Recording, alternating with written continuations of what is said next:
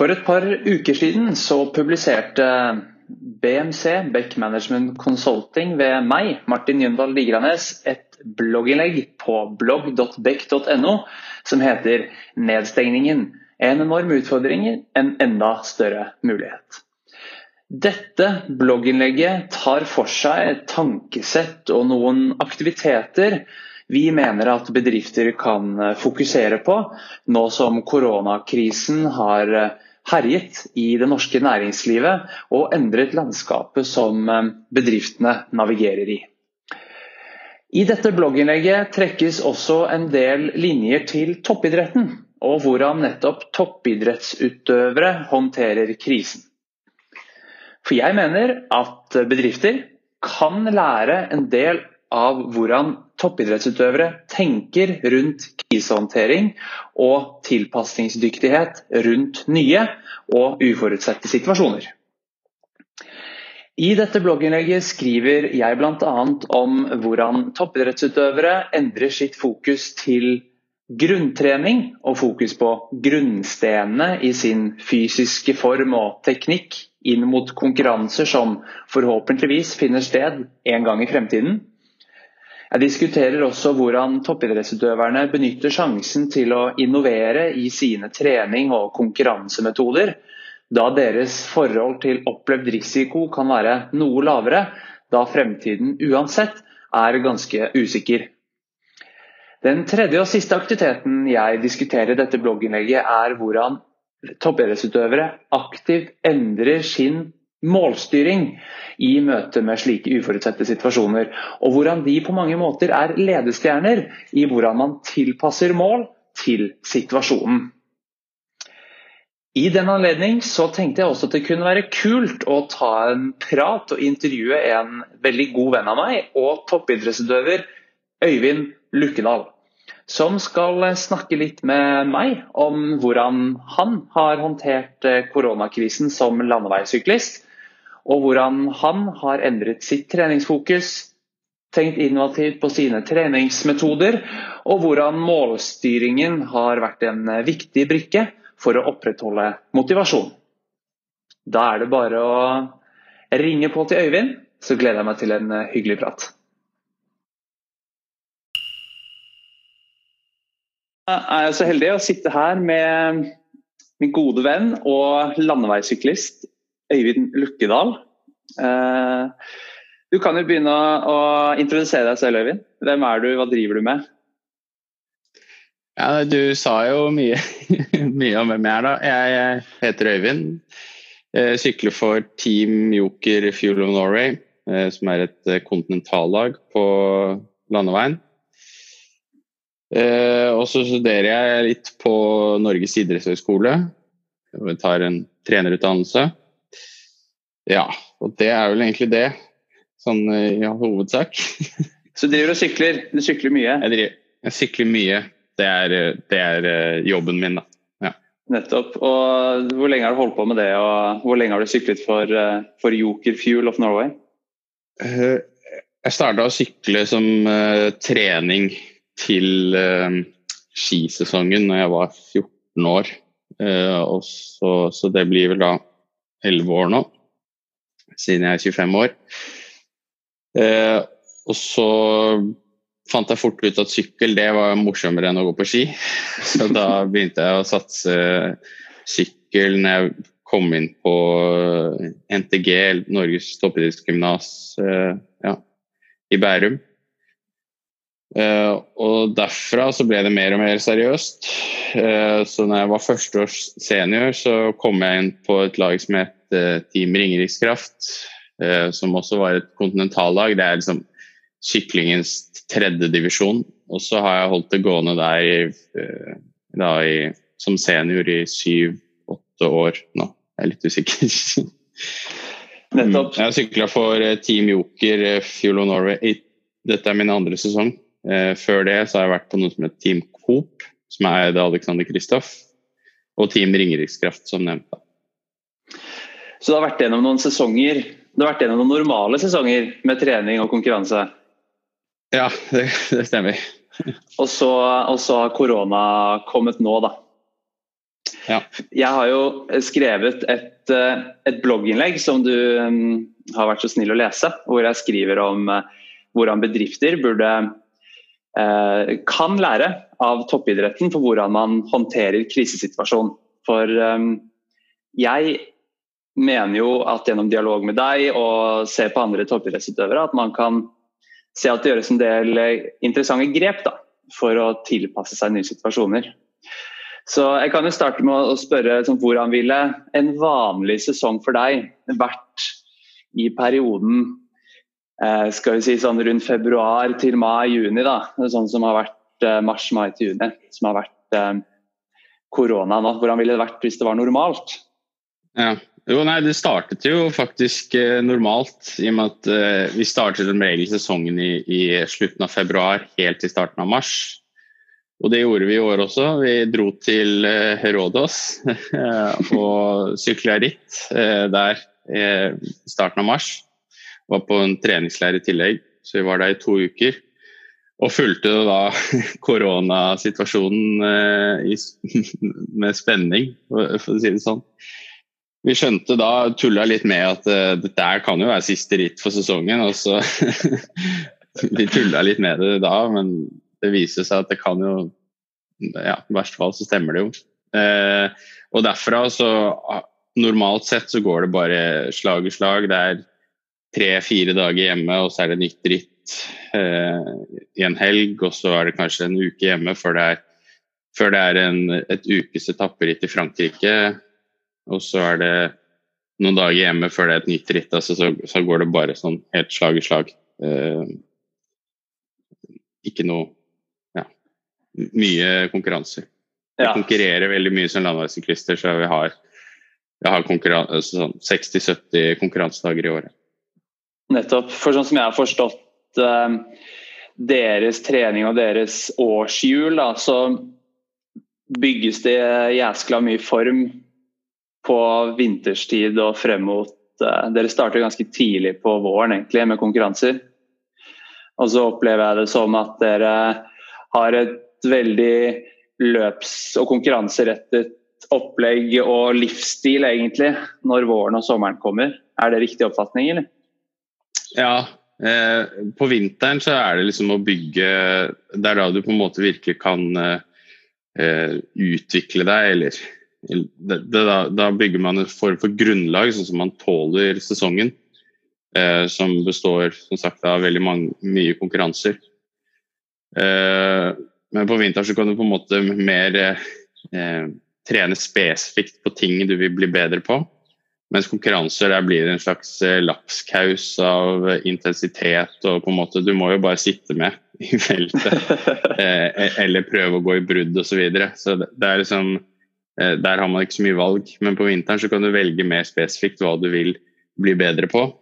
Og så bygger man seg gjerne opp med små eller liksom bygger man seg opp mot en toppform for oss i Norge, gjerne en toppform i mai, som er, har vært liksom den store sykkelmåneden i Norge med, med, mye ritt, internasjonale ritt i Norge, sånn som Tour of Norway f.eks., som det største.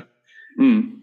Så fulgte dere med på koronasituasjonen fra, fra Rådås, og så kom den for fullt.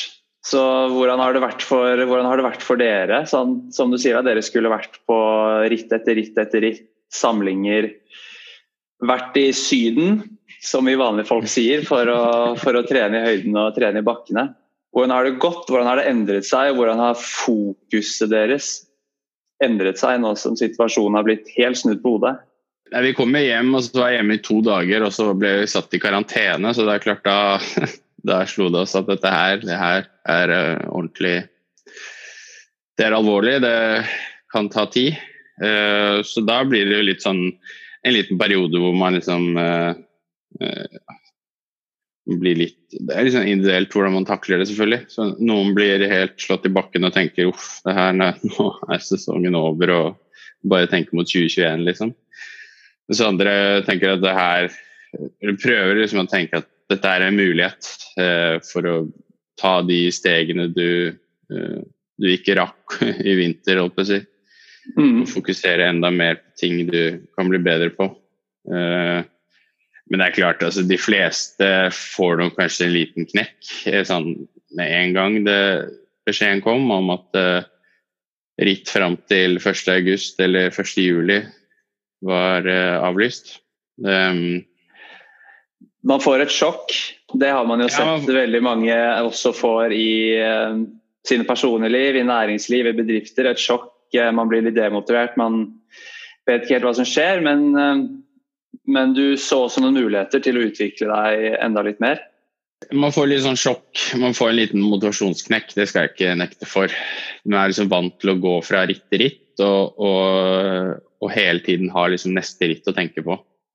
Og så plutselig så er det, er det helt I tillegg er man vant til å jobbe mot et mål. Jeg hadde liksom Tour of Norway i mai eh, i, hele, i bakhodet i hele vinter. Mm. Eh, og så plutselig så vet man ikke når neste mål. Sånn som man har hørt ganske mange snakke om av idrettsutøvere nå. Man, man, er, man, jager egentlig alltid neste mål, og, og den prosessen starter stort sett liksom dagen etter kanskje man er ferdig med et stort mål. Så begynner man å tenke liksom, ja, hva er det neste? Eh, så når det stopper helt opp, så blir det liksom sånn derre eh, Egentlig, hva er det jeg jager nå, egentlig? hva, hva, hva skal jeg gjøre nå? Det tok ikke så lang tid før man uh, tenkte at uh, man får bruke den tiden her til noe produktivt. Og det er litt tilbake til det jeg sa tidligere, at uh, sånn om vintertrening at man får velge veldig spesifikt liksom, Man kan velge spesifikt hva man vil fokusere på. Man får jobbe med det man selv vil bli bedre på. Ja, så da tenkte jeg så da gikk jeg derfra og så tenkte jeg liksom hva er det som har hindret meg å bli eh, Ta det steget som jeg har eh, jobbet for i noen år. Eh, og liksom gikk gjennom litt forskjellige ting. Eh, det første, første, jeg gjorde, var jo egentlig å, å ta en uke pause. Mm. For jeg ble litt syk. Kanskje var det korona. jeg var i karantene, så jeg var ikke til fare for noen. Eh, men eh, etter det så begynte jeg å, å trene terskeltrening. Eh, og hadde tre uker med veldig god terskeltrening. Mm. Som, for å løfte terskelen min. For jeg følte ja. at det var viktig. Så for de som ikke er kjent med trening, så terskel er um, motoren? Ja, den, um, er veldig ja, Hva skal jeg si da? Det er et sånn uh, Det er ikke Du vinner ikke et ritt ved høy terskel, men uh, det er en forutsetning for at man skal uh, kunne være med inn i de fasene som gjør at man kan vinne ritt. Er det. Er det forståelig? mm, det er uh, forståelig. Men uh, du har jo okay, Du gikk gjennom um, en periode du trente mye terskel og sånn, men jeg har jo sett noen uh, frekke snaps fra Swift og sitte inne på rulla. Har dere gjort noen tilpasninger for å Det blir veldig ledende, da, men har dere gjort noen tilpasninger for å gjøre livet litt mer spennende. Altså, man kan jo ikke, det er jo så og så lenge man klarer å sitte og kjøre alene intervaller opp Tryvann, men uh, Ja, det er neste, egentlig neste fase, da. så når jeg har trent terskel i, i tre uker, så, så hadde vi jo håpet at på slutten av den perioden at uh, vi kanskje skulle se en eller annen form for lys i tunnelen. Da. Litt sånn kanskje naivt da, mm. å tenke det, men man hadde jo et lite håp om at da man da kunne stadfeste liksom når neste ritt var, så man kunne se fram mot det. Men eh, etter de tre ukene så avlyste de bare enda flere ritt, og de stengte egentlig nesten Norge og viste ikke da tegn til å åpne Eller viste litt tegn, men eh, for idretten så var det ikke noe tegn til at du skulle åpne noen ting. Nei. Eh, så da ble det dratt i gang en norgescup på, på Swift, da, som er virtuell sykling. Eh, så da sitter du og, inne og sykler på en datamaskin? Det ja, ja, du fester sykkelen din på en uh, smart rulle, som det heter. Og så uh, sykler man uh, i en virtuell verden. Da Er man en liten avatar i en virtuell verden. Der hvor PC-en gir beskjed til, um, til rulla di hvor mye motstanden skal gi. Mm. Hvis det er motbakke inne på det programmet, så får du mer motstand, så det føles ut som du sykler oppover, da. Eller ja, det skal føles mer, mer som du sykler oppover. Det høres jo morsomt ut for de som ikke har prøvd. Men har du opplevd det som eh, gøy, da? Er det motiverende når dere begynner å sprite opp litt? Ja, det er klart etter tre uker terskel, ikke det, det er sånn enormt lenge, da, men da, det kommer jo da på toppen av, uh, av fire-fem måneder med ganske mye trening. Uh, og når du er vant til å konkurrere så mye, da, så, så blir det litt monotont i, i lengden. I tillegg så sykla vi stort sett alene, så, for det skulle man jo. Så da, så da er det kanskje litt eh, vanskeligere å holde seg skjerpa eh, til hver økt eh, mm. og, og, på hver økt. Man går litt sånn inn i en sånn der autopilot. Så tenker, for, å, for, å, holde meg litt mer skjerpa, litt mer eh, motivert, så hadde jeg liksom de rittene litt som en sånn uh, gulrot. Jeg hadde også noen en sånn, sånn, sånn utfordringer, sykle ritt hver dag i, i, fem dager for å simulere et eller annet form for etappeløp. Mm. Uh, og litt forskjellig sånne ting. Uh, og det, det gjør, bare gjør meg litt mer skjerpa i den sånn daglige treningen for å tenke at jeg har et mål, jeg vil gjøre det så og så bra i, i et Swift-ritt. Sånn. Uten at det Swift-rittet uh, har noe betydning i større sammenheng. Liksom. Nei, men det blir en, eh, det blir en aktiv del av mål... Ja, det blir en aktiv del av mål eh, målsettingen, målstyringen din. Du sier jo innledningsvis at dere er jo dere jager jo mål, og når dere har nådd et mål eller måtte kommet over en, eh, et ritt, så er det omstilling til det neste hele tiden. Og så fjerner man det pga. korona. Så hvordan, hvordan, har du liksom jobbet inn i hvordan har du jobbet med mål og målstyring når ting bare forskyves og blir en usikker eh, smørje? Nei, altså jeg har egentlig skjøvet I starten så var det sånn de første par ukene så var det jo hele tiden å, å sjekke alle mulige nyhetssider om hvordan prognoser og hvordan dette kunne være og innen forskjellige sykkelnettsider og se liksom hva internasjonale sykkelforbundet gjorde og, eh, og, hva folk trodde når de skulle åpnes osv. Og, så og så etter hvert så skjønte man at det er ikke noe vits, for det er ingen som vet. Mm. og det er sikkert ingen som kommer til å vite før det plutselig ja, Det kan ta fryktelig lang tid. Så da, så da bare skjøv jeg det litt vekk, og så begynte jeg å tenke Vi har jo noe annet som er veldig målbart, det er wattverdier. Som vi måler hvor hardt vi tråkker ved hjelp av watt.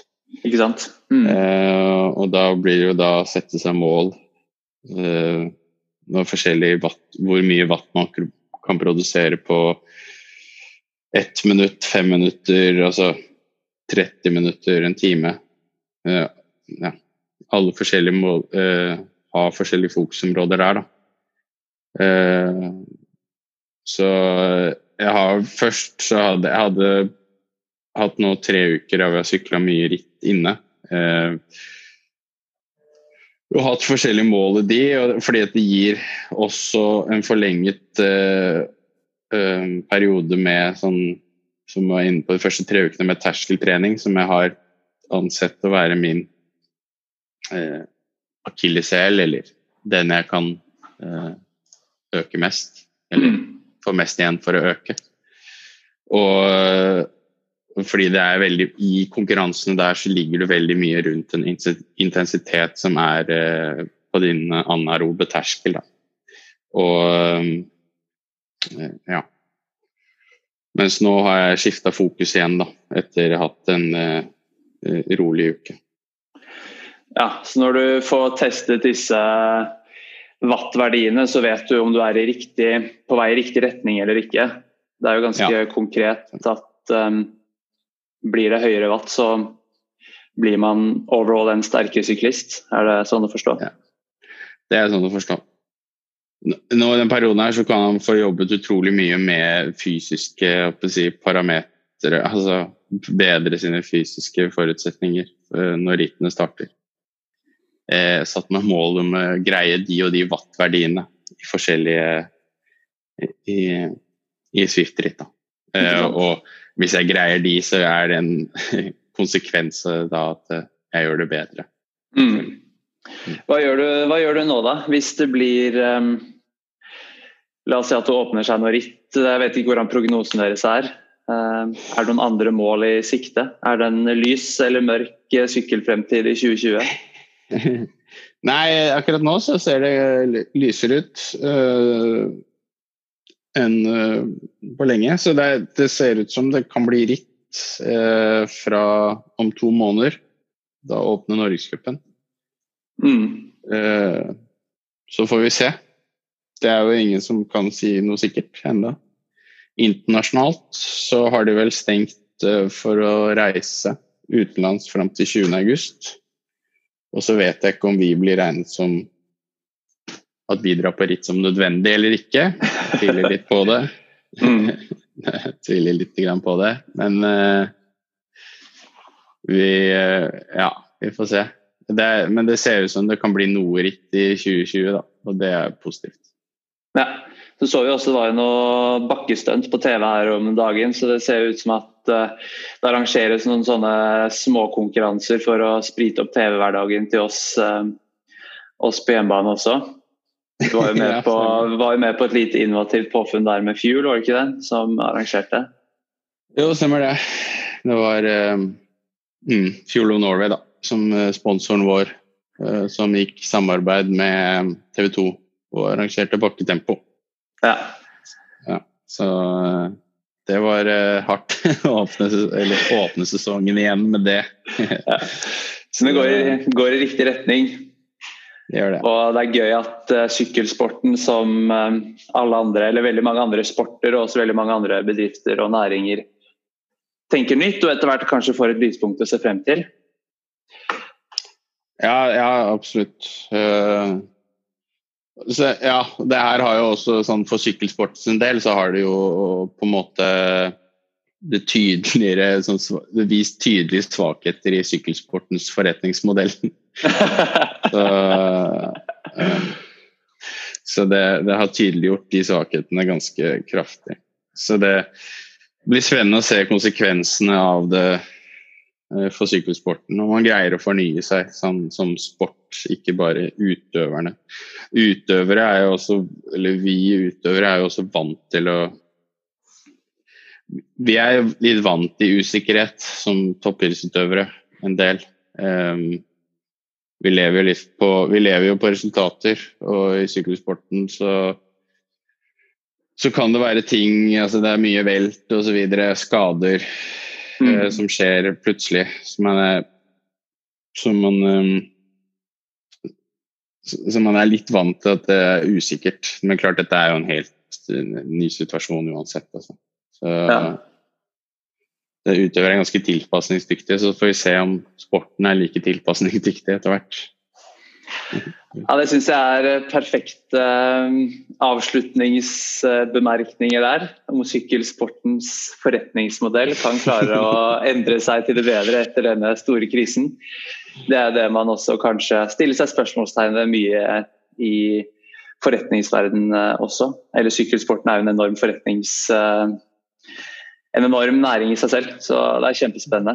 Så, um, trenger, trenger kanskje noen konsulenter der. Men, uh, det blir en salgspitch. Hjulpet Det internasjonale sykeforbundet litt. ja, drømmeprosjekt. Nei, men, uh, tusen takk for um, spennende refleksjoner, Øyvind. Så jo.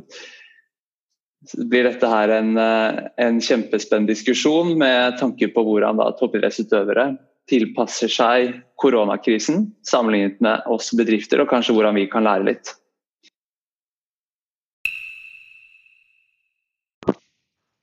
Yes, det var intervjuet med Øyvind eh, Lukkedal, landeveissyklisten, som eh, kunne hjelpe oss med å eksemplifisere litt fra sitt liv hvordan toppidrettsutøvere tilpasser seg koronakrisen.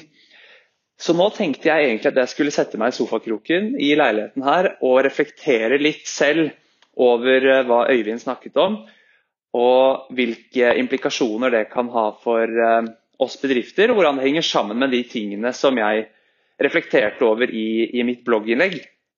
Så kan du som lytter eh, reflektere litt sammen med meg på, på hjemmekontoret. Og så tror jeg konklusjonen blir at vi kan lære mye, og at sport også på mange måter kan sammenlignes med store bedrifter og mindre foretak. Det første jeg reagerer på, som Øyvind snakker om, det er eh, fasene syklistene går inn i. Han skisserer jo her initielt en eh, fase hvor du mister motet litt, motivasjonen får en enorm knekk, og du vet liksom ikke helt hva du skal gjøre i, i kaoset. Når man snakker om kriser og krisehåndtering og hvordan bedrifter reagerer på kriser, så snakker man jo ofte nettopp om tre faser. Man snakker jo om en fase der man blir litt lamslått og ikke helt hvordan man skal reagere. Som jeg tror veldig mange eh, virksomheter, og også oss eh, ansatte, kjenner oss veldig igjen i. For det blir så uvant, så hvordan skal vi egentlig komme oss ut av dette på den andre siden? Videre så går gjerne bedrifter inn i en neste fase som handler om overlevelse. Så gjennomføre tiltak som ehm, gjør at vi overlever og kommer helskinnet gjennom perioden. For Øyvind og syklistene så virket denne fasen å være ganske kort. For en tredje fase er jo nettopp å se mulighetene og se hvordan man kan dra nytte av de endringene som krisen har eh, medført. Og Det var jo en av de tingene som Øyvind presiserte ganske tydelig. Det var jo at Rett etter at man har hatt denne motivasjonsknekken, så har du som syklist Eh, ikke råd til å være i den knekken så veldig lenge dersom du har lyst til å overleve. Og du går ganske direkte inn i en form for innovasjonsfase, eller en form, slags form for overlevelsesfase, der du begynner å trene annerledes, endre på dine mål og ruste deg til den andre siden. For med en usikker fremtid så vet du heller ikke helt når det løsner. Så Videre i samtalen så snakker Øyvind om at han går inn i en lengre fase der han trener terskel. Så For dere som ikke er så godt kjent med treningsterminologi, så er terskel vår evne til å yte uten at kroppen produserer melkesyre, før musklene blir stive. Så kall det gjerne fysikkens grunnsten eller syklistenes motor. I blogginnlegget så skriver jeg jo at en del bedrifter kan eh, se utfordringer i sin strategi, sin organisasjon, sin ledelse, eh, sine grunnsystemer eller grunnstener da, i sin bedrift. Og at eh, koronakrisen kan være en gyllen mulighet til å bli oppmerksom på disse svakhetene, og hvordan vi kan arbeide med nettopp disse. Etter å ha sittet og jobbet med motoren sin en stund, så begynner jo ting å bli trått for Øyvind som syklist. Man har lyst til å gjøre ting annerledes for å sprite opp hverdagen. Og her går jo på mange måter aktivitet to og tre fra blogginnlegget litt inn i hverandre. Nettopp dette med innovasjon og dette med målstyring, som for syklistene på mange måter går hånd i hånd og er ganske avhengig av hverandre. Han snakker om at de begynner å konkurrere på den virtuelle arenaen. Noe som vanligvis ikke gjøres ofte på denne tiden av året, og som har blitt veldig populært nettopp fordi man helst ikke skal sykle så mange sammen, og nettopp fordi du blir litt lei av å gjennomføre de samme øktene gang på gang. Han setter opp alternative konkurranser et alternativt treningsopplegg der han prøver å replikere en, eh, et etapperitt. For han snakker om at han har lyst til å holde seg skjerpa. Fordi han vet jo at etter krisen så kommer det et nytt konkret mål han ønsker å nå. Og dersom han klarer å innovere og bruke denne tiden best mulig, så vil han også stille sterkere på den andre siden. Og Dette er kanskje en av de tingene jeg føler at bedrifter kan lære aller mest av. For på mange måter så er jo syklister veldig, veldig små og sårbare foretak. De har derfor også en enorm evne til å omstille seg fort. For det første så er de små nok til å gjøre det. Og for det andre så er de 100% fullstendig avhengig av det. Bedrifter er også avhengig av å omstille seg, men de er kanskje ikke rigget på en sånn måte som gjør det så enkelt og naturlig.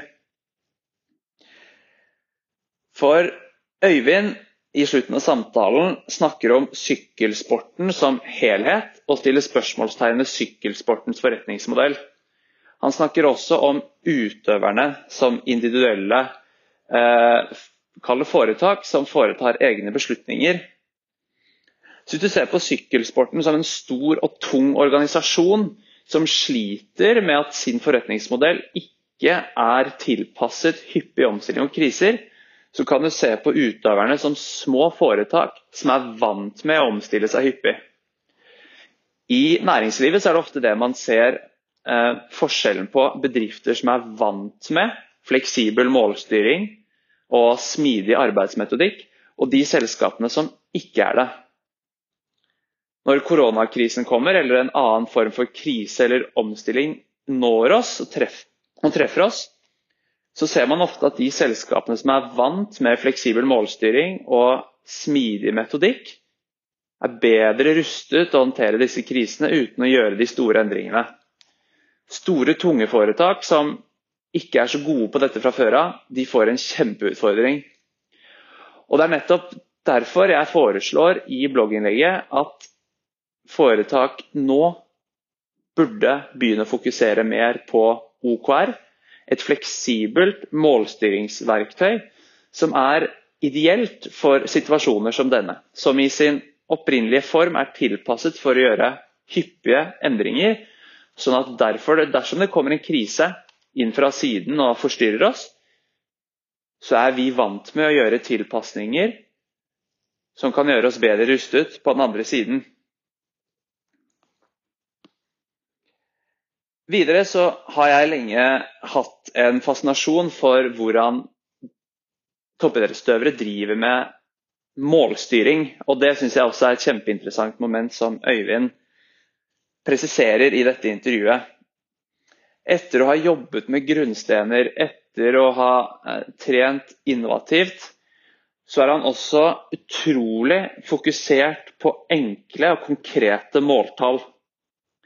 I OKR-rammeverket snakker vi om key results, eller målbare nøkkelresultater, som skal indikere om de aktivitetene vi gjør, trekker oss nærmere målet eller i en annen retning. Øyvind snakker om watt. Watt er et energi- og kraftsmål som sier noe om hvor mye kraft du som syklist klarer å produsere.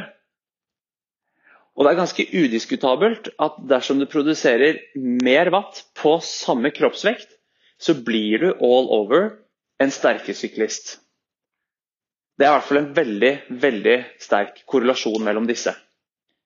Så han har ulike wattmål på ulik, uh, ulik tidsrom i fokus, som skal måle ulike elementer av det han ønsker å utvikle.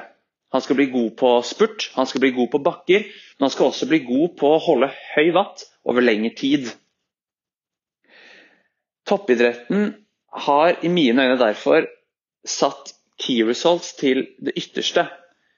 For de er fullstendig avhengig av disse kvantifiserbare resultatene for å motivere seg selv og for å måle sin, pro, pro, eh, for å måle sin fremgang. I bedrifter er det ofte vanskeligere å finne disse måltallene.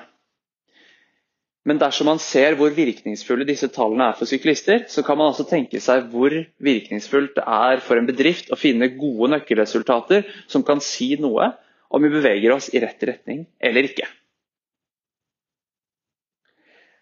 Så dette her var eh, en kjempeinteressant prat med Øyvind. Og en veldig spennende refleksjon å se på likhetstrekk mellom bedrifter og idrettsutøvere, ulikheter og kanskje litt også hva man kan lære. Så Da håper jeg du har eh, satt pris på denne lille monologrefleksjonen samt intervjuet med Øyvind, og at du nå kanskje sitter med noen tanker og spørsmål som du ønsker å reflektere over. Så da må ikke du nøle med å slide inn på DM på Slack så kan man alltids ta en spennende prat om dette over en varm kopp med kaffe, eller bare i den digitale møteplassen. Ha en fantastisk uke videre. Drypp er en lavterskelpodkast fra Beck, hvor vi diskuterer diverse temaer som interesserer oss. Og Hvis du har et tema som du har lyst til at vi skal snakke om, eller du vil være med på en innspilling, ta kontakt på drypp.beck.no.